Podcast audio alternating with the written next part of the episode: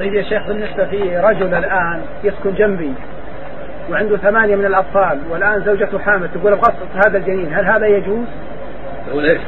يقول العيال الآن عندي ثمانية مكفين واللي في بطني هذا لازم أسقطه يقول لرجلها هذا يختلف اذا كان في الاربعين الاولى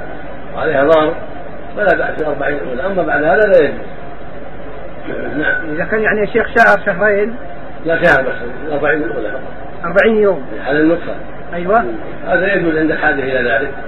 بالطرق الشرعيه الطرق المباحه التي ما فيها مضره